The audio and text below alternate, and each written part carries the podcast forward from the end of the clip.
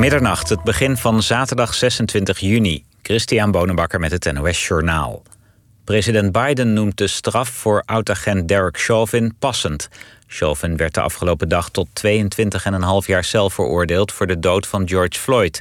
nadat een jury hem in april als schuldig had bevonden. De straf was wel lager dan de 30 jaar die was geëist. De zwarte Floyd overleed vorig jaar nadat Chauvin hem minutenlang... met zijn knie op de straat had geduwd. Dat leidde tot wereldwijde protesten tegen racisme en politiegeweld. Biden zei dat hij nog niet alle details van de uitspraak kent... maar dat 22,5 jaar hem passend lijkt. Naar verwachting gaat Chauvin tegen de straf in beroep. Bilal Wahib heeft in de talkshow op 1 excuses aangeboden aan de jongen van 12... die hij in een livestream overhaalde om zijn geslachtsdeel te laten zien. De artiest zei dat hij spijt heeft van zijn actie... die hij omschreef als een domme manier van humor hebben... Hij heeft de ouders van de jongen gesproken en een financiële regeling getroffen, maar Wahib noemde geen bedrag. In de livestream had hij de jongen 17.000 euro beloofd. Het incident leidde tot een boycott van de acteur en rapper. NPO 3 wilde niet meer met hem samenwerken en verschillende zenders deden zijn muziek in de ban. Er is geen aangifte tegen Wahib gedaan. Na de mesaanval in Würzburg, waarbij de afgelopen dag drie doden vielen, zijn nog twee mensen in levensgevaar. In totaal zijn er vijf zwaar gewonden en een onbekend aantal lichtgewonden. Een 24-jarige Somaliër stak in het centrum van Würzburg met een mes in het rond. Zijn motief is onduidelijk. Hij stond onder psychiatrische behandeling. Agenten schoten de aanvaller in zijn been. Hij is buiten levensgevaar. Het weer. Vannacht is het op de meeste plaatsen droog. Alleen in het zuidwesten kan nog wat regen vallen. Minima rond 13 graden. De dag begint in het zuidwesten regenachtig. Elders is het droog met af en toe zon. Later ontstaan in het binnenland buien met kans op hagel en onweer. En het wordt 21 tot 25 graden. Dit was het NOS Journaal. NPO Radio 1. VPRO. Nooit meer slapen.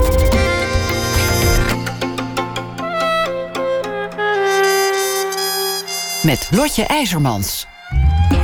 Morgen staat op het Holland Festival in Amsterdam in AI een avond geprogrammeerd rond twee muziekfilms van mijn gast Frank Scheffer. Eerst is er de geweldige documentaire Inner Landscape en daarna de operafilm Sifan.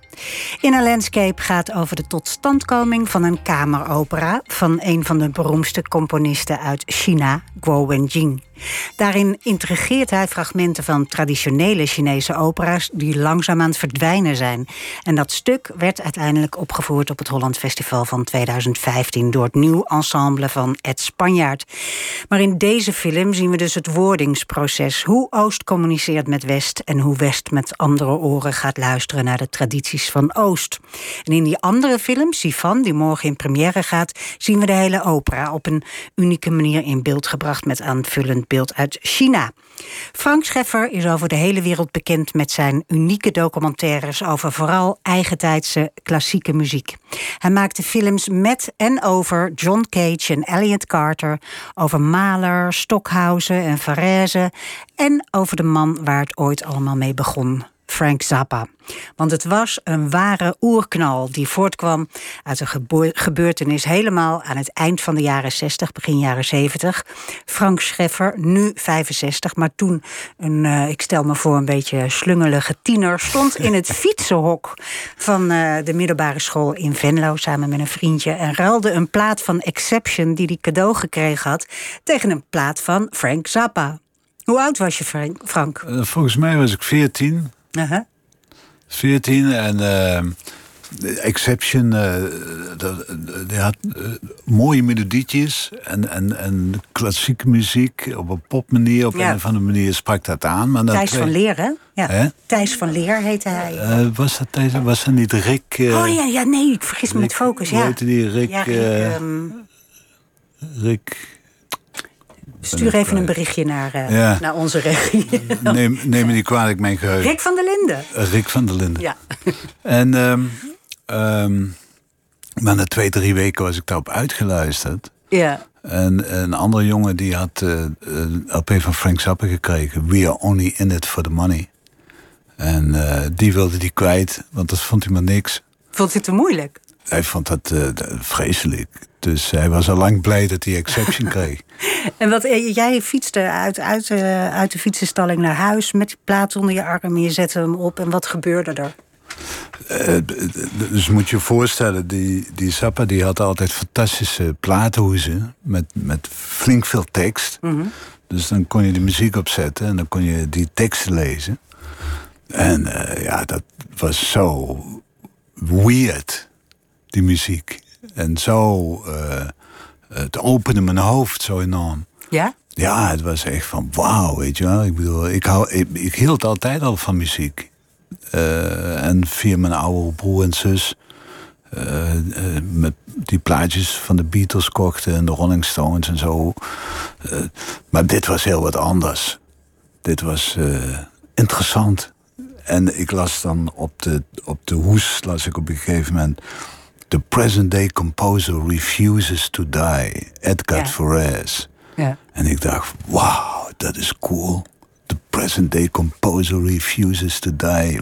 Dat vind ik goed. Dat begreep je gelijk. Dat, dat nou ja, het, het, het, het, als ik een retrospectief terugkijk, is dat toch wel het, het, beginpunt uh, van een soort uh, intellectuele interesse ook. Want dat was Zappa, dat was wat, wat intellectueler, wat meer muziek met, met ideeën erachter. Dat, dat was het moment dat ik eigenlijk de, het mysterie achter die tekst. Wat zit erachter? Wat betekent dat? Weet je, is eigenlijk het begin van die, van die hele reeks van muziekfilms die ik gemaakt heb. Ja, je bent nu eigenlijk 50 jaar verder. Heb je die, die, dat ene zinnetje, heb je dat nu helemaal doorgrond? Nou ja, het is, het is, ik, heb die, ik heb natuurlijk een film gemaakt over Edgar Ferrez. Mm -hmm. Uiteindelijk, die in uh, Venetië uh, een gala-première heeft beleefd op het filmfestival. En uh, tijdens het maken van die film, want zo gaat dat meestal, dat ik weet je, heel diep in dat onderwerp duik en het uit probeer af te pellen wat erin zit in die muziek, wat die muziek probeert te vertellen.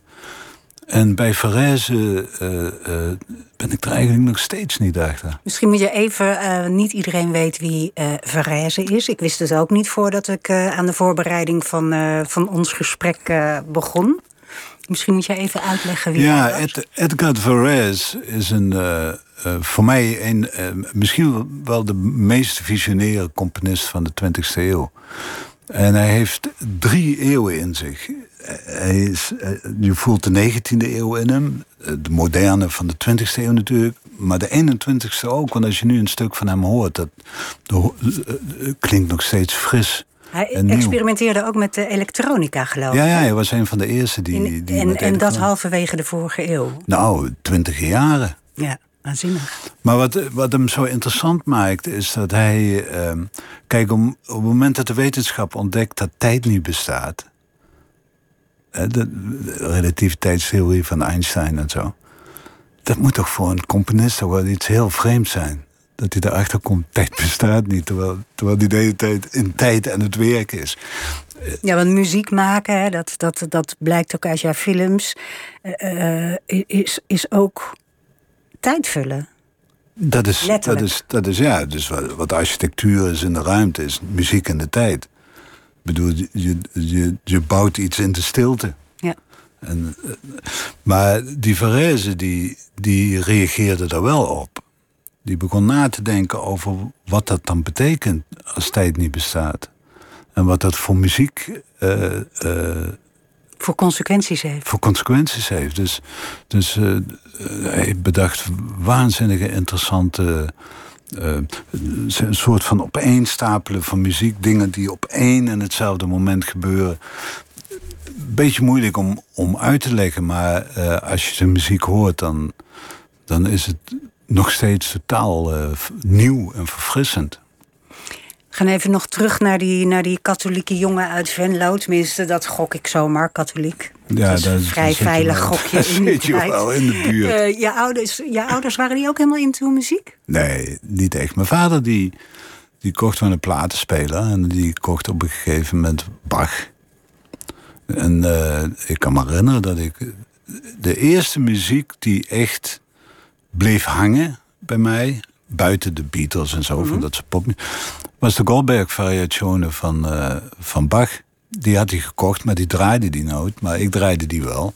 Ja. En, eh, en, en dat, dat bleef zitten in mij. Maar toch, ondanks die belangstelling die je dus duidelijk had voor muziek, eh, ging je niet zelf een instrument spelen of Nee. denken van ik word muzikus. Nee, omdat dat binnen ons gezin niet, niet echt eh, gecultiveerd werd, zeg maar. Dus eh,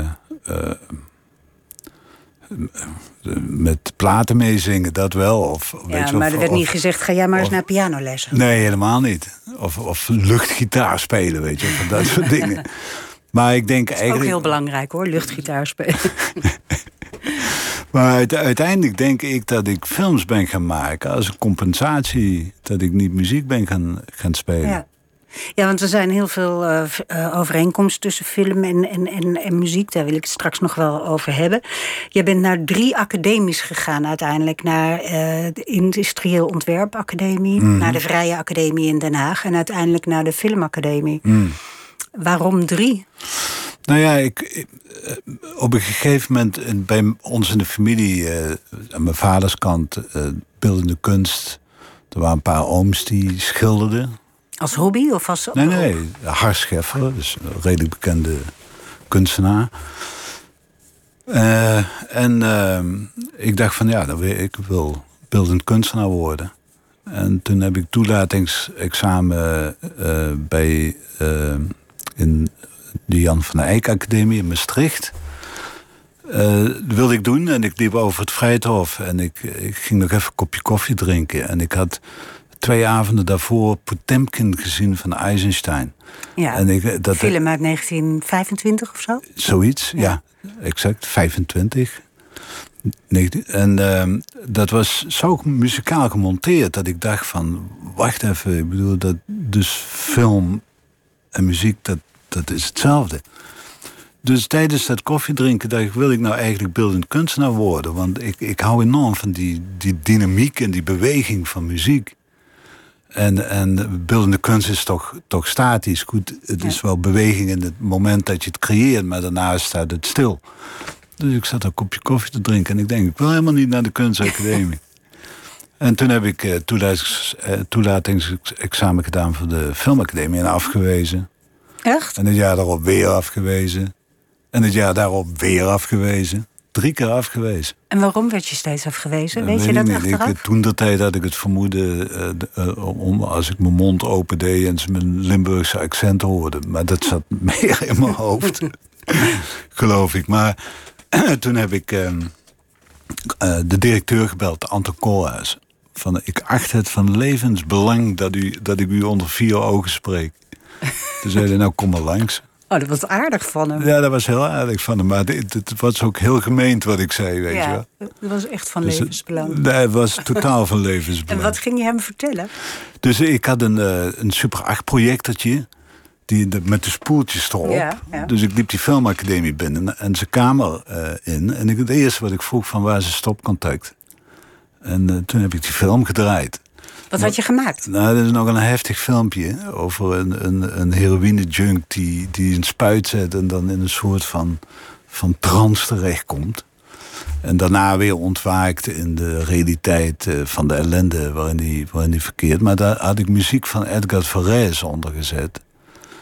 En eh, ik wilde hem dat laten zien omdat hij in Dr. Puldersheid Papavers... wat ik overigens een hele goede film vind van hem...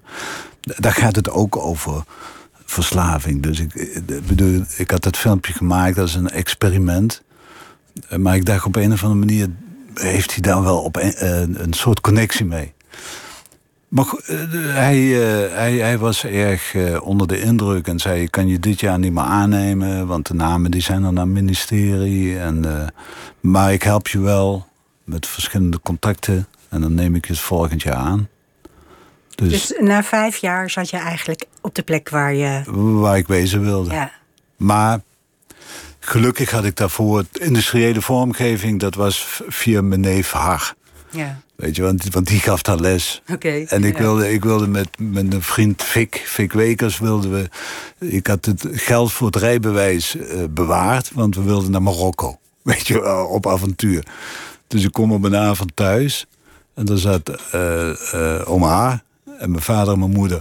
En die hadden bekokstoofd dat ik de volgende dag, want ze hadden al alle spullen hadden ze al klaargezet, eh, naar mijn nicht naar Eindhoven ging industriële vormgeving studeren. Terwijl ik toen ik binnenkwam toch ervan uitging dat ik een paar dagen later naar Marokko op avontuur zou gaan. eh, Weet je wel.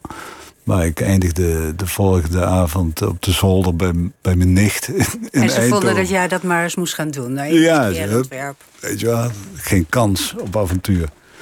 Dus ik heb daar, ik heb daar een half, half jaar gestudeerd. eh, En naar Amsterdam verhuisd. En toen ben ik naar de eh, Vrije Academie in Den Haag gegaan.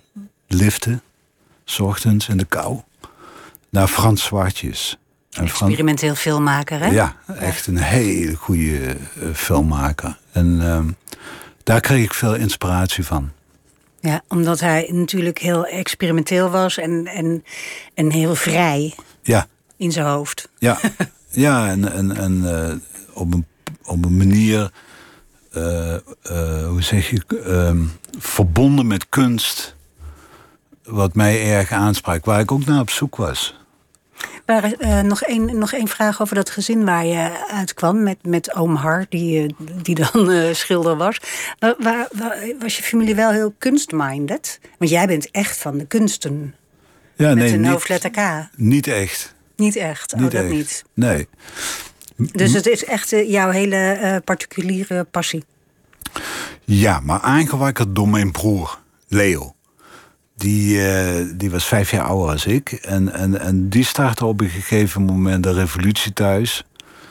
Eh, en, eh, eh, en die hield er erg van om weet je, interessante verhalen te vertellen. Hij had ook, hij had ook op een gegeven moment LP's van Pink Floyd, Uma Guma. Ja. En zo, weet je wel. Dat, dat was, vond ik allemaal vreselijk interessant. En, en eigenlijk, eigenlijk ben ik, heeft hij dat bij mij aangewakkerd. Moet ik zeggen. Je, je, je kwam op die filmacademie terecht en, en, en, en je had hem nog niet af. Of je had al een film gemaakt over Francis Ford Coppola. Ja, Wat was dat? Dat was dat een bravoer van jou? Want ik bedoel, dat was toen al een grote naam. ja nou. ehm, ehm,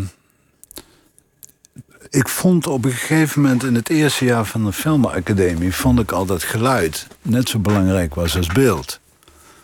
En ehm, eh, in de films van Coppola was die balans tussen de soundtrack en, eh, en de beelden eh, was een uitgangspunt. Dus eh, mijn broer Leo, die werkte toen voor de VPRO. Die kocht eh, films aan. Die heeft onder andere Berliner Alexanderplatz aangekocht. Vreselijk trots was ik op hem. Ehm, en daar kwam een jongen uit Amerika die een film had gemaakt, documentaire, en die probeerde die te slijten bij de VPRO. En dat was Rob Vroegman. En die had geluidassistentie gedaan bij Apocalypse Now. Dus eh, toen had ik het in mijn hoofd van... ik ga naar Amerika, ik ga een film maken over Coppola en Wenders.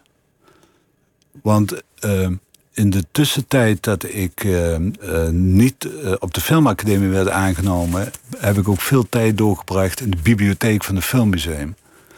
En daar kwam ik op een gegeven moment die montageboeken tegen van Eisenstein.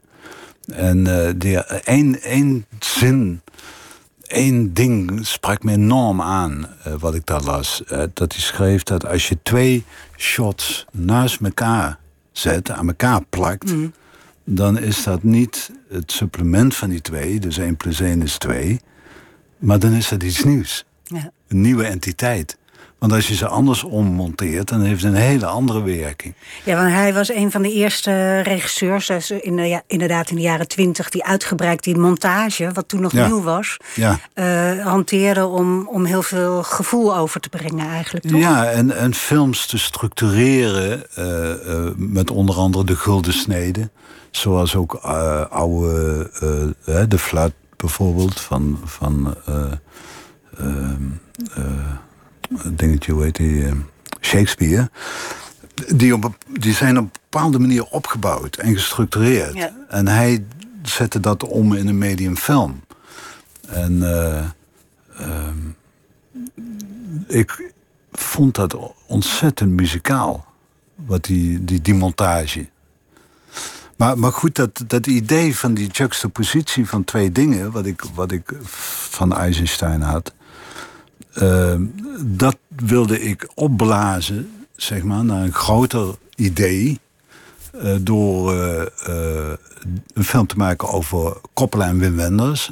Ja, juxtaposition is eigenlijk een soort evenredig naast elkaar geschikt. En dan dus een nieuwe betekenis. Ja, dus eigenlijk tegenover elkaar, Ja. maar tegelijkertijd overlappend. Ja. Dus je hebt twee dingen en, en samen opgeteld zijn ze drie in plaats van Ja. twee. Ja. Dat is. Dat is eh, maar ja, een man en een vrouw ja, hè, kreeg een kind. En dat is ook iets nieuws. Dus zo in, het is niet zo intellectueel als het lijkt. ja. Het is eigenlijk heel natuurlijk. Dat idee van twee dingen tegenover elkaar die iets nieuws creëren. Dus jij wilde Wim Wenders en Coppola en het lukte je ook nog. Ja, want Wim die zat toen in Amerika. eh, eh, die, eh, Francis produceerde een film die, van Hammett. En mijn idee was een beetje van de Amerikaan die naar Europa kijkt. Want Coppola die is enorm geïnspireerd door Herzog. Bijvoorbeeld Ja. Apocalypse Now is, is geïnspireerd op Aquire, Zorn des Gottes van Herzog. En eh, Wim Wenders is een Europeaan die naar Amerika kijkt. Ja. De Amerikanische vriend. Eh, en de twee samen geven dus een completer beeld over film in het Westen dan ieder op zich gedaan zou hebben. Dat, was een, beetje- dat komt voort dan uit Eisenstein. En, Ja. en dat de volgende logische stap natuurlijk, want dat is film. En ik zat toen op de filmacademie in het tweede jaar. Eh, de filmacademie vond overigens niet dat ik die film moest maken. Dat vonden ze te megalomaan, dat idee. Nou, dat begrijp ik best wel. Zo'n gastje van 22 die zegt: Ik ga Wenders en Coppola. eh, Ja, maar voor mij was, het, voor mij was het helemaal niet zo eh Nee. beroemdheid. Het was veel meer het concept. Ja. Eigenlijk is dat concept door, door jouw oeuvre heen eh, nog steeds wat je doet, hè? Absoluut. Ja. Op dit moment spreken ook weer twee films met, met elkaar in mijn hoofd. Staan in juxtapositie in mijn hoofd. Sakamoto. En, Ryuichi Sakamoto, de Ryuichi- Japanse eh, muzikant en Ja. filmmaker. en filmmaker. Die heeft net een opera die in première is gegaan. Die heet Time. En eh, eh, aan de andere kant Gustav Mahler weer. want die komt de hele tijd terug. Die heeft een fantastische compositie geschreven. Dat is Lied van de Eerde. Ehm, eh, waarin hij eh, Chinese teksten gebruikt. Van de onder andere Tang-dynastie. Dus poëzie uit China. Om zijn gevoel te kunnen uitdrukken. Wat hij niet kon vinden in, in westerse teksten. En dus, dus op een of andere manier ehm, dat idee van tijd. Kijk, in, in, in de opera van Sakamoto daar eh, zit een verhaal van een man die naar zijn vrouw, naar zijn vrouw zit, die doodgaat. En die vrouw zegt: Als je honderd jaar wacht, dan kom ik terug. En hij zegt: Wat? Maar hij wacht honderd jaar. En uiteindelijk komt ze terug. En bij Mahler is het precies andersom. Dat is honderd jaar geleden, zeg maar, in tijd. Dus op een of andere manier maak ik dan die link in mijn hoofd. Hoe, eh, ook, ook muzikaal hoor. Want de, de Abschied van Mahler is natuurlijk een ongelooflijk mooi stuk muziek. Eh, de- de- En Sakamoto kan ook prachtige melodieën eh, maken. Dus, dus als die twee films met elkaar, met elkaar praten... Dan, dan komen er ideeën die inspirerend zijn van de een komen in de andere terecht. En dat werkt. Dat, dat heb ik door die loop van de jaren. Ja, dat is eigenlijk hoe jij altijd eh, gewerkt hebt. Ja, Door eh, die invloeden in jou, via jouw hoofd naar elkaar over te laten zijpelen in het product, zou ik Ja. maar zeggen. En dat is eigenlijk ook weer gebeurd met ehm, de, film, eh, de films die morgen gaan draaien op het Hm. Holland Festival, de Chinese films. Want ehm, jij zei tegen Guo Wenjing, een eh, hele goede Chinese componist, van Als jij nou eens iets gaat schrijven, ga ik daar een film over maken. Maar het moest meer worden dan dat. Vertel. Ja, ik, nee, ik heb hem de opdracht gegeven. Net zoals, eh, weet je wel, een, uh, een festival een componist een opdracht geeft. Of een, uh, Wat was je opdracht? Uh, wil je een compositie schrijven waar ik een film over maak? Ja. En, en kun je even. Uh, Guo Wenjing is een grote componist, toch? Ja, ik, ik, Guo Wenjing. Iedereen. Uh, of de, beroemde, de meest beroemde ook in het Westen is natuurlijk Tan Dun. Maar daar heb ik in 2004 een film van gemaakt. Uh, over T-opera. Ja. En Guo, die mijn leeftijd is. Of uh, Tan Dun, die mijn leeftijd is. Die die, daar had ik discussies mee van hoe komt het nou dat jij de Chinese cultuur die in je zit, in je compositie gebruikt als een effect? Waarom is dat niet de basis? Dat fascineerde mij. Waarom? waarom omdat hij natuurlijk uh, uh, uh, via het conservatorium leert de westerse muziek en ja. die wordt dominant. En ik vroeg me af van waarom, waarom behoud je niet die Chinese cultuur en probeer die eigenheid. Die eigenheid. En uh, uh, dat vond ik wel in Guo Wenjing uh, wat ik zocht op die manier. Want hij, die andere componisten van die generatie zijn allemaal naar het buitenland gegaan. En zijn daar gaan studeren en gaan werken. Maar Guo Wenjing, die is in China gebleven. Dus dat fascineerde mij. En het is een enorm goede componist. Het soort Alban Berg van het begin van de 21ste eeuw. Voelde ik zo. Ja, dat was jouw idee. En dat was mijn idee over hem. Lyrisch. Lyrisch. Vanuit het hart schrijft hij, hè? Ja. ja. ja. En uh, hij komt uit de regio Sichuan, als ja. ik het goed zeg. En uh, hij groeide op met traditionele Chinese opera's. Ja.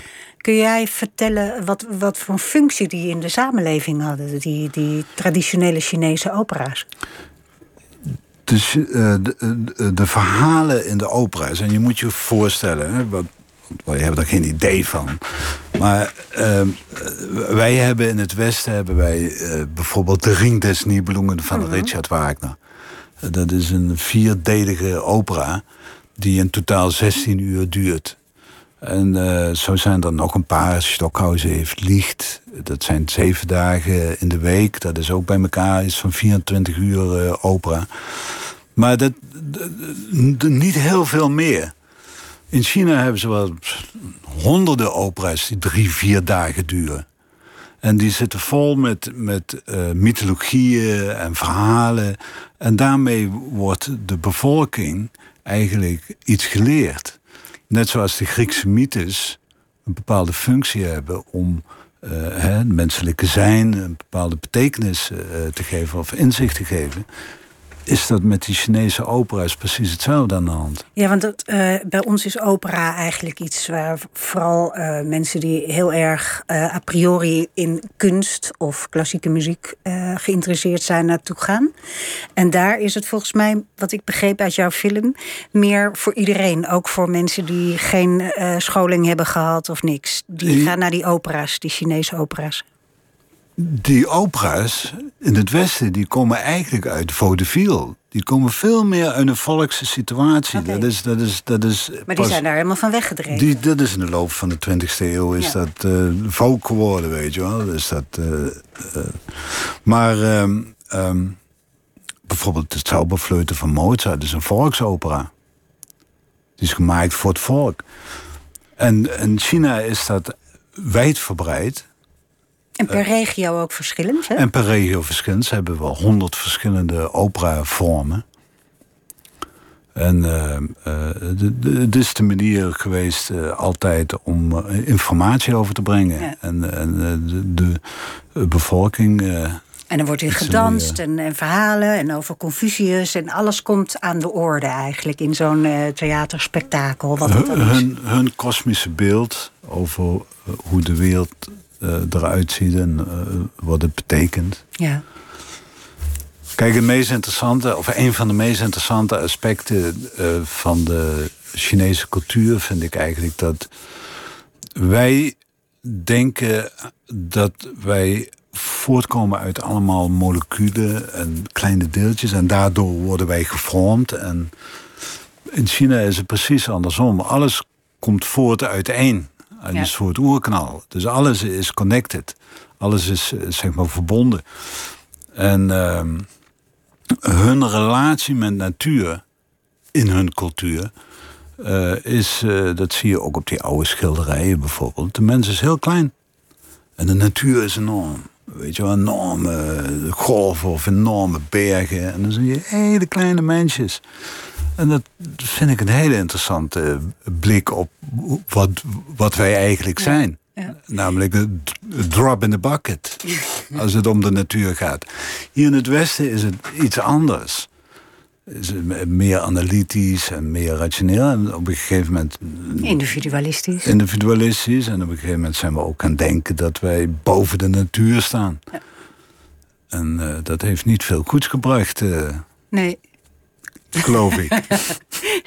Eh, Eventjes nog door over, over de eh, traditionele Chinese opera. Want eh, jouw Guo Wenjing, die dacht... ehm, die dingen verdwijnen, die Chinese opera's. Want de ouderen gaan dood en de jongeren die gaan gewoon televisie kijken... of naar uit, weet ik veel, die gaan daar niet meer naartoe. Dus laat ik nou eens iets schrijven... waarin die traditionele op- opera-aria's een plek krijgen. En dat heeft hij gedaan. Daar heb jij een film over gemaakt. Ehm, zijn opera heet. Nou moet ik het weer opzoeken. Sivan. Sivan. Ja. En het lijkt mooi, mij mooi om daar even een stukje van te luisteren. Want dan hoor je hoe ontzettend anders die manier van zingen is.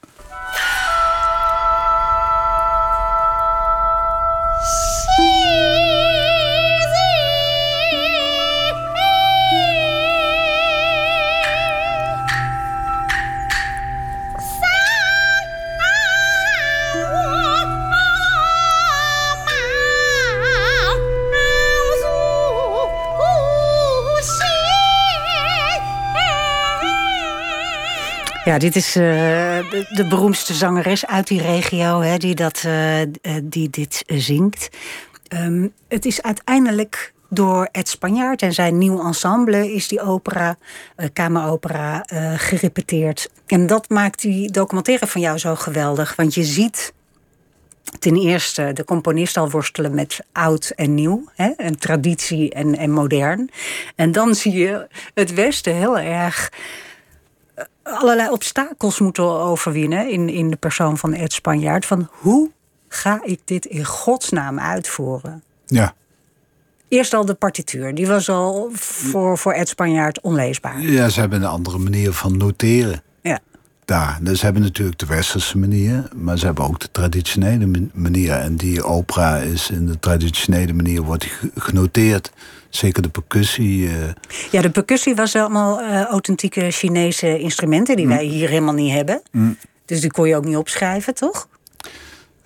wij, wij hebben ze in de loop van de 20e eeuw, zijn moderne componisten daar wel mee aan de gang gegaan. Maar we hebben niet zo'n uitgebreid arsenaal aan eh, eh, eh, percussie-instrumenten voor de opera. Maar ehm, ja, het is even wennen als je die stem hoort Zo. natuurlijk. Hè? Nou, Dat, dat is niet. Dat is maar goed. Ik bedoel. wat dacht jij de eerste keer dat je dit hoorde? Want het, het, het klinkt heel erg schel. Ik bedoel, het- mijn oren zijn helemaal niet gewend om zoiets te horen. Net zoals dat jouw oren niet gewend zijn. Ik bedoel, het klinkt nergens na, toch? Ja, ik vind het wel mooi, wel bijzonder. Ja, nou, dank je. Dat vind ik, eh, dat, dat, dat, dat hoor ik graag. Want eh, eh, als je het namelijk een beetje. als je er een beetje aan went en echt hoort wat erin zit. En de, de nuances en de subtiliteiten en de emotionele uitdrukkingskracht ook. Eh, Dat heeft, is van zo'n enorm niveau. Maar ja, wij, wij hebben de sleutel niet eh, om, om, om de deur Nou, te openen daarvan. het, is, het is ook een andere techniek, hè? Want dat, eh, dat zegt Shen Timai, die zangeres, die zegt dat in jouw film van. Bij ons resoneert het veel meer voor in het hoofd. En bij westerse operazangers meer achter in het hoofd. Ja, achter in de keel. Ja, En bij hun meer in het voorhoofd. oké. En dat heeft natuurlijk ook een reden, omdat deze muziek is ontstaan in een, berggebied. En eh, die hoge klank, die reikt veel verder eh, dan, die, dan die lage klank. Dus het, is een hele, het komt uit een hele praktische eh, situatie voort. Dus het is echt, weet je, gegroeid, ontstaan uit de natuur. Ja. Maar het is een, de Chinees heeft natuurlijk een hele oude cultuur. Dus 4000 jaar oude cultuur. Dus, dus eh, je kunt je wel voorstellen dat dit zich ontwikkeld heeft en ontwikkeld heeft. En op een gegeven moment verfijnd heeft. En eh, dat kun je vergelijken met, met elke willekeurige eh, topprestatie in de westerse muziek. ja. En, en wij zijn helemaal niet gewend hiernaar te luisteren. Wat is het verhaal van de opera? Kun je dat in, in een paar zinnen schetsen? Ja, het is, is eigenlijk een beetje een, een, een, een, simplistisch verhaaltje over een meisje die in een boeddhistisch klooster eh, zit, omdat haar ouders haar erin gestopt hebben omdat ze een beetje ziekig eh, was. En ze komt dan op een gegeven moment, zit ze de, eh, de stoep te poetsen. En dan komt er een jongen langs op een paard. En die geeft ze de eerste blik. En hij geeft een blik terug. En sindsdien is alles anders, weet je. Sindsdien dacht ze, ik hoef geen boeddhistische non meer te worden. Exact. Dan Geef mij die weg. jongen. Ja, Ja. ze wil weg uit het klooster. En dat is met een bepaalde humor. En eh, ja, dat is een beetje, weet je, net als vaudeville, een beetje, beetje humor gemengd met eh, eh, wat plezier. En, maar met ook een diepere gedachte daarachter. Van, van je laten opsluiten door systemen. Eh, en daar moet je je dan van bevrijden. Dat heeft natuurlijk een beetje ook een connotatie misschien met deze tijd. Weet je wel, maar eh, zover wil ik, eh, wil ik hoe zeg je dat, dat, dat zit niet echt in die opera. Kijk, uiteindelijk is die opera namelijk ook geschreven door een soort van eh, meer intellectuele bovenlaag in de Chinese Ja? samenleving. Ja, het zijn mannen die dit geschreven hebben. Het is niet een vrouw die dit verhaal geschreven heeft. Maar het is dan wel een vrouw die eigenlijk eh, niet gehoorzaamt. Ja, die, eh, die, die lekker ondeugend is. En, eh, dat liefde. vinden de mannen dan weer. En dat, dat, vinden, vinden ze erg leuk. Ja, ja, je bent heel lang hiermee bezig geweest, hè? Want Ja. in jouw werk ehm, maak je, je maakt heel vaak een film over iemand... en dan daarna maak je weer een andere film over diezelfde. En dan... Je, je, je, je doet heel veel met de liefdes die je eenmaal hebt. Je bent Mm. eigenlijk heel loyaal aan je liefdes. En maakt daar meerdere films over. Is, Mm. dat, is dat een soort vasthoudendheid of perfectionisme... of een missionarisdrang? Wat, wat is dat in jou wat dan zo zich vastbijt? in- Nee, in- het is passie, passie voor muziek, waar ik van hou. En het is, eh, ik wil films maken omdat die, eh, eh, die passie zo diep zit... dat ik behoefte heb om, om dat over te dragen aan mensen die Ja. die film zien. Ja. Ik bedoel... Ik, pretend, ik pretendeer dat niet. Ik, ik, pro- ik probeer gewoon die liefde die ik voel en die passie die ik voel... en ook intellectuele passie eh, en liefde eh, over te dragen. Want da- dat is ook met die serieuze muziek. Ik bedoel, dat, dat zijn behoorlijk interessante mensen... die muziek schrijven om te communiceren. Dus ik ben erg geïnteresseerd ook wat ze dan willen communiceren... en hoe ze dat doen. Ehm, en daar zitten werelden in. Ehm, dus het is, het, is, het is heel simpel een, een menselijk ding. Van iets waar ik vreselijk veel van hou en dat wil ik overdragen. Het, het grappige is dat deze film eh, over de Chinese opera, die een traditionele opera integreert, is eigenlijk eh, deel van een vierluik wat je wil maken. Ja. Hè? Waar je al aan begonnen bent in, eh, in 2011, meen ik. Ja. Wat was het eerste deel van het vierluik? Ja, ik was toen eigenlijk klaar met mijn eerste cyclus. Eh, zo- zoals ik dat zie, eigenlijk met de film van Varese. Eh, dat Dat ik is je eerste cyclus over, over componisten. over componisten de beste. Ja. En dan vanaf Mahler tot deze tijd. Tot Brian Eno, Frank Zappa, uh, Square Pusher, weet ik allemaal, allemaal goede, goede spullen. Want ik bedoel, ik, kijk, de reden waarom dat ik die serieuze componisten heb genomen, is omdat ik op een gegeven moment videoclips ging maken. In, in, wat was het? 86. En ehm, ik vond het een beetje zonde om, om zoveel energie te stoppen in iets wat alleen daarvoor was muziek te verkopen en verder weggegooid werd. Dus als kunst verder geen waarde had. Daarvoor, daarom heb ik uh, voor serieuze muziek gekozen. Om films te maken die, die ik probeerde te levelen aan de kwaliteit van die serieuze muziek. Van de componisten zelf. Ja, het moet ergens over gaan. Ja. Die hebben iets te vertellen. En ik, ik, ik vind dat bijzonder interessant wat ze te vertellen hebben. Uh, uh, weet je, John Cage bijvoorbeeld. Dat is een waanzinnige inspiratie. Ehm, dus de, zo is dat uh, met die serieuze muziek gekomen. En, en um, um, ja, toen was die cyclus Hè? Die, was ja, dus de eerste cyclus, exact. Ja. Die was rond. Ik voelde, en eigenlijk wilde ik richting speelfilm meer. Maar toen kwam ik, uh, toen, toen woonde ik in Mexico op dat moment. En uh, daar was op de Deutsche Welle, kwam er plotseling, ik was bezig met die film van Frank Zappa. En uh, uh, Deutsche Welle is zo'n internationale Duitse zender die over de wereld te, te, zien is. En die had een item over de Teheran Philharmonic Orchestra, die in Duitsland ging, kwam spelen voor het eerst. Uh, en ook een stuk van Frank Zappa speelde. En ik dacht, wauw, wat is dat? Dus ik, dus ik heb gelijk het vliegtuig teruggenomen naar Amsterdam. En uh, geprobeerd die organisator te pakken te krijgen. En dat is uiteindelijk gelukt. En toen kwam ik die op het vliegveld kwamen ze aan in Düsseldorf. En er waren allemaal bloedmooie vrouwen, weet je wel, die, die in dat orkest zaten. Dus dat, daar, ja. begonnen er. Nee, niet natuurlijk. Op het moment dat ze in het westen komen, dan gooien ze allemaal die sluiers af. Allemaal van die hele, hele mooie jonge violistes. En, en en ik, die kwamen dus uit die, die sluis gelopen. En we waren draaien. En ik denk, wauw, wat is dit, weet je wat. En uh, er kwam nader. En eigenlijk binnen tien minuten, een kwartier waren we... Nader Mashayeki. Nader Mashayeki. En hij is een, een, een Iranese... Hij is een, uh, de, de zoon dirigent. van... Een, hij is een, een dirigent-componist die twintig jaar in Wenen heeft gestudeerd en, en gewerkt en gecomponeerd.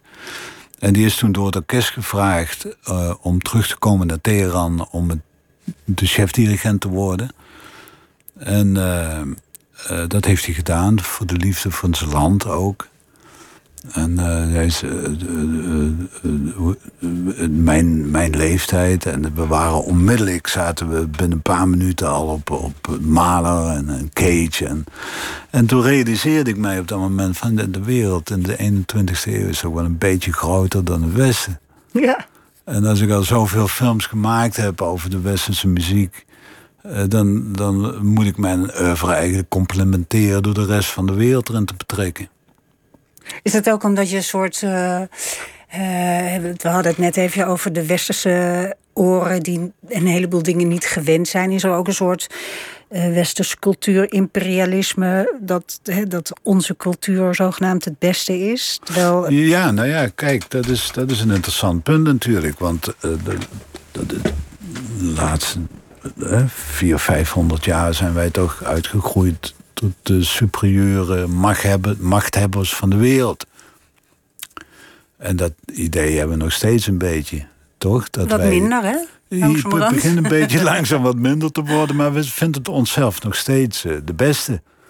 En uh, dat vind ik toch wel heel vreemd. Is dat ook waarom je die, die, uh, dat vierluik wil maken over ja, ik wil, ik wil. Andere culturen? Ja, ik wil mij, mij, hoe zeg je dat, inleven in andere culturen in de wereld.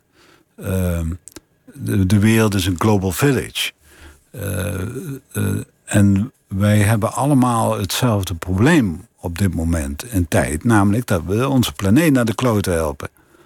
Dat is niet meer een nationaal ding of een westers ding. Dat is een global ding. Dus moet je, vind ik als kunstenaar, uh, uh, tenminste, vind ik als kunstenaar. Ik als kunstenaar interesseer me eh, om, me om me te openen voor andere culturen in de wereld. Omdat ik de, de, de eh, juxtapositie van die culturen en daar waar ze met elkaar eh, over vloeien, vind ik op dit moment een tijd de meest interessante dingen gebeuren. De meest eh, avant-gardistische dingen gebeuren. De, de, de, eh, vernieuwingsgedachte in onze westerse kunsttraditie. hè, telkens maar vernieuwen, die is al opgehouden. Eigenlijk is die al opgehouden met 433 van John Cage. Maar goed, we hebben nog keer- 433 van John Cage, dat is de compositie die bestaat uit 4 minuten en 33 seconden stilte. Exact. En als je die 4 minuten 33 de seconden optelt, dan kom je precies op 273. En dat is het eh, nulpunt. Het, eh, waar de- Waarvan? De, de absolute nulpunt, Kelvin. 273 min. Kouder kan niet. Oké, ja. En dan houden de atomen op met trillen. Met trillen. Dus eh, dat is nul.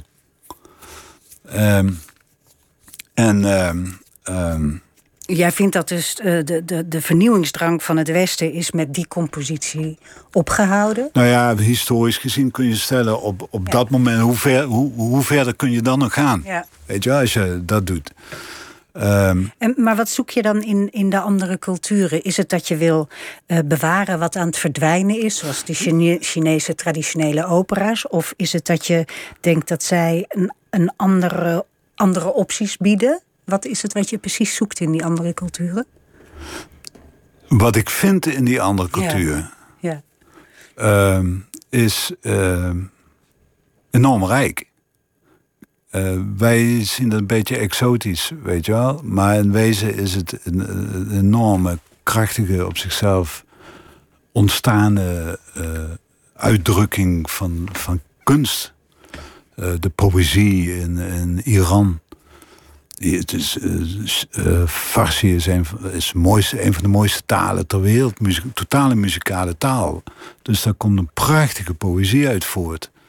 Je hebt in, in die film ook de poëzie gebruikt van. ehm, Farouk Farouk Farrokhzad.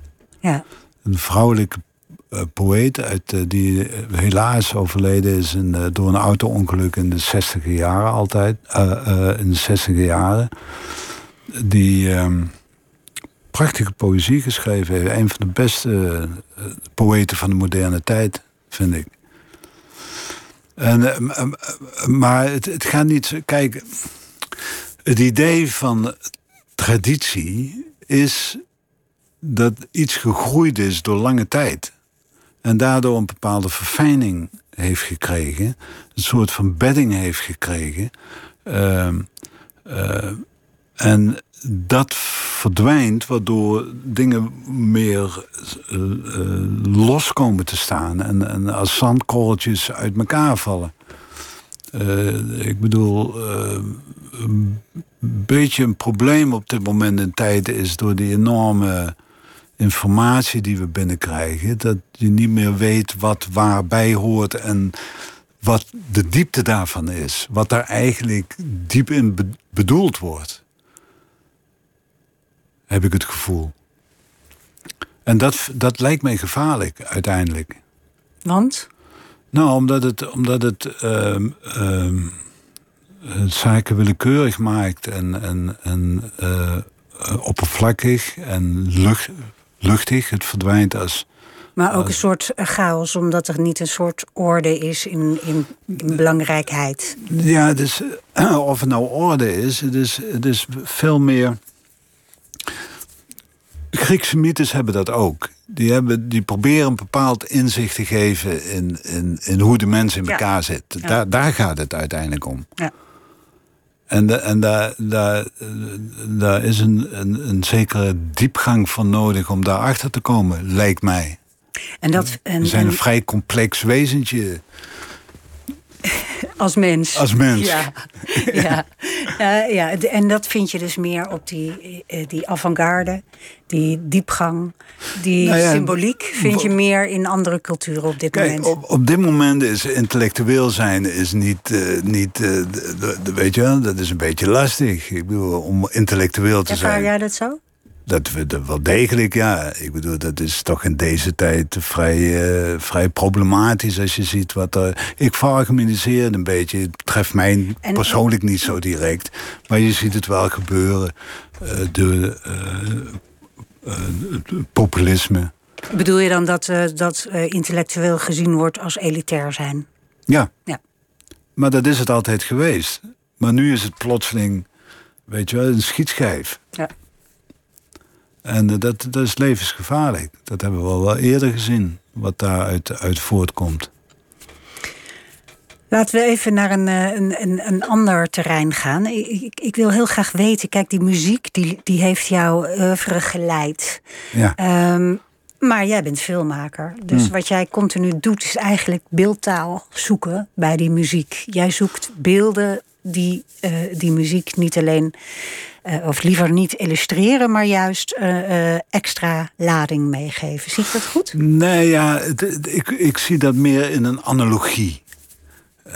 Muziek en film zijn beide ervaringen in tijd. En ze werken dus met ritme, ze werken met structuur, ze werken met geheugen. Weet je, je herinnert je iets en je probeert te voorspellen wat er komt. Eh, dus film en muziek hebben heel veel met elkaar te maken. En eh, ik probeer niet beelden te maken eh, zoals muziek, want muziek is abstract. Dat, het, het behoort tot de oren. En een film behoort tot de ogen primair, maar de oren spelen daar ook een belangrijke rol. Ehm, maar ehm, ehm, eh, je kunt dus denken in, in het maken van beelden in een analogie van hoe de muziek gemaakt is. Dus dan probeer je niet beelden te maken zoals de, dus interpreteren zoals de muziek is. Maar je probeert die twee werelden eh, in juxtapositie naast elkaar te zetten. En dan ontstaat er, als je dat doet, iets nieuws. En hoe kom jij, eh, hoe kies jij die beelden? Dat, dat, dat komt voort uit het onderwerp zelf. Ik analyseer mijn onderwerp en dan eh, zie ik eh, vanzelf ehm, eh, dingen dagen op. En dan. Ja, ja, voor je geestesoog dagen dingen op. Ja. Nou, wat me opvalt in ons gesprek is dat jij best wel heel associatief bent. mhm, Dus ik denk, dus uit, uit die bron komt dat voort. zeker, Ja. zeker. Ik bedoel, de, verbeelding. Een prachtig woord er. Verbeelding. Voor mij als filmmaker is dat een prachtig woord. Ik probeer iets te verbeelden. eh, in verbeelding. Wat, wat, geef je, wat geef je het publiek daarbij? Bij, bij de, jouw beelden, bij die muziek? Wat, is je, wat wil je je publiek geven? Ik, heb, ik denk nooit over publiek. Nee? Nou, hoe moet je dat doen? Wie is, wie, is, wie, is, wie is mijn publiek dan? Als ik in een filmzaal zit en ik spreek met toeschouwers die net een film van mij gezien hebben, dan weet ik wie mijn publiek is. Maar als ik een film aan het maken ben in een montagekamer, dan aan wie moet ik dan denken? Heb je dat nooit? Dat je Nooit. En waarom? ja, ik weet niet. Je, je, de- je hebt misschien een imaginair iemand of iemand, Nou ja, goed. een broer of een zus of een vriend waarvan je denkt Goed, van, oké. ja, Prima. Mijn zoon. Nee. Ja. nee, nee, ik heb geen publiek. Maar ik ben gepassioneerd met een idee, wat ik me voorstel, wat ik moet doen. En ehm, eh, eh, eh, daar gebruik ik imagination, verbeelding, in een bepaalde manier van werken. En ik probeer het zo goed mogelijk te doen. Weet je wel, ik probeer echt zo goed mogelijk mijn werk te doen. En dan ontstaat er emotie. Maar ik stop die emotie er niet in. Weet je, ik wil niet iets. Nee. Er ontstaat iets. Ik heb, ik heb gelezen dat, eh, dat eh, toen je zoveel bezig was met John Cage, die Mm. eh, toeval een grote rol liet spelen in zijn werk, dat je in die tijd ook monteerde met de I Ching. Ja. Het Chinese boek waar je zeg maar dobbelstenen kan gooien of, of muntjes kan gooien, ik weet niet meer wat het is.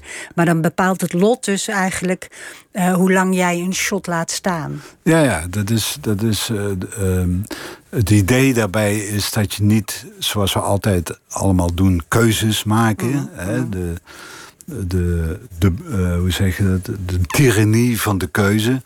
Maar dat je eh, een situatie creëert waar je vragen stelt. En de keuzes voor je gemaakt worden door de I Ching in dit geval. Dus met parameters. Dus, dus je kunt bijvoorbeeld zeggen van welke kant moet ik mijn camera op laten draaien. En dan vraag je die Ching, geef mij een getal tussen de 1 en de 360. En dan pak je een kompas erbij. En dan zegt hij bijvoorbeeld 78. En dan hup, die kant draai ik op. En dat, je, dat, heb, je, dat heb, heb je niet in je hoofd. Nee. En een van de prachtige uitspraken van Cage is dat de ideeën buiten je hoofd openen je hoofd beter dan de ideeën in je hoofd. Dat is natuurlijk ook zo, ja. En ehm, eh, waar het over gaat natuurlijk is uh, bij Cage dat hij zich wil bevrijden van het ego. Want het ego, dat ben je zelf? Nou ja, het ego is wat we denken dat we zijn. Precies. Maar het ego is dus, wat we wel uit de boeddhistische kennis en filosofie weten, het is een illusie. Het bestaat helemaal niet. Ben je boeddhist? Nou, als ik dat zegt, dan geloof ik daar wel helemaal in. Ja, ik zeg het om, vraag het omdat je, jij eindigt je e-mails ook met happy is the one that knows that samsara and nirvana are not two. Ja, dat betekent voor mij dat je nirvana, momenten van nirvana kunt bereiken in het dagelijkse leven. Dat betekent het, niet meer en niet minder. Dus je kunt een moment van verlichting vinden op elk moment. Daarmee ben je nog niet verleegd. Maar je kunt wel momenten van verlichting vinden. Ja, uh, het is grappig. Hoe, hoe uh, wat ik me afvroeg, uh, jij zegt net van ja, ik stop er geen emotie in. Of ik, ik doe niet iets op het effect van ik wil een emotie hebben van het publiek. Maar het is natuurlijk wel belangrijk dat je als filmmaker met je publiek communiceert, toch? Ja, ik communiceer met mijn film, via mijn films met publiek. Maar ik probeer niet met het uh, idee van een publiek in mijn hoofd iets te creëren, want dat lijkt me een illusie. Ja. Voor wie, voor wat? Ik bedoel, op mijn, op mijn niveau van film maken. Ik bedoel, er is een hele. Eh, ik ben een klein niche, een aparte wereldje die, die zich dat kan permitteren om dit te doen. Uh, uh, en daarom kan ik dat zeggen. Ik bedoel, er is natuurlijk een hele andere wereld die met kijkcijfers uh, werkt. En, precies, want dat zat ik ook te denken. Van als je televisie zou maken, dan zou je echt een heel andere opbouw moeten doen dan dat jij je kan permitteren. Maar hè? ik had mijn films allemaal niet kunnen maken zonder de nee, tv. Nee, ze zijn wel op televisie uitgezonden. Zeker. Ja. En ze hebben een publiek en ze hebben een. hoe zeg je dat? Een, een, een, een zeer trouw publiek. Het is altijd dezelfde hoeveelheid mensen die naar mijn films kijken. Het, is geen, het zijn geen kaskrakers, maar is dat, is dat nodig? Nee, dat alles ja, kaskrakers zijn? Ik bedoel, is het, is het, de, de, wat ik me altijd afgevraagd heb over kijkcijfers is... er wordt alleen maar horizontaal gedacht uh, over de, de, de kwantiteit de aantallen kijkcijfers. En dat komt natuurlijk door de democratie. En, en als je 50 plus 1, dan. maar er wordt nooit nagedacht over de kwaliteit van de kijker. Dus het zou wel eens zo kunnen zijn dat ik iemand kan aanraken die daar iets mee doet in zijn leven. Nou, dat wordt niet gemeten. Nee, dat is, ook, is ook onmeetbaar. En dat is on, ja. Maar daarom is voor mij ook die kijkcijfers een, een voorkomen. Uh, nou ja, waar, waar gaan die kijkcijfers om? Ik krijg geld van de gemeenschap.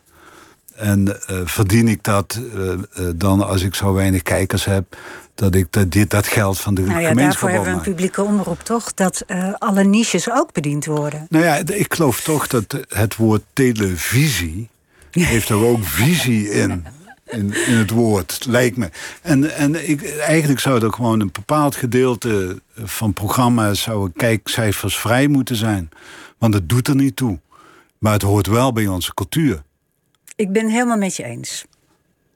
Nou, ik heb nog één vraag. Ja? We hebben nog twintig seconden. Wat is nou je favoriete componist? Ja. Wat is nou je favoriete componist?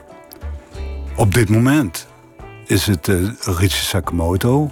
eh, over twee weken is het das lied van de Erde van Gustav Mahler. Ja, En- gewoon en- degene en- met wie je bezig bent uiteindelijk. Nou ja, en, en dus ze zitten ook voortdurend. John Cage is natuurlijk fantastisch.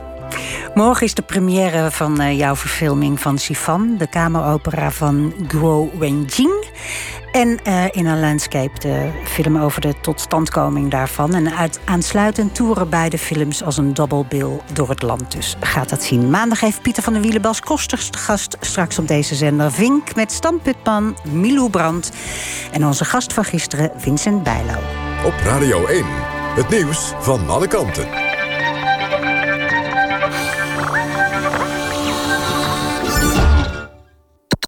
NPO Radio 1.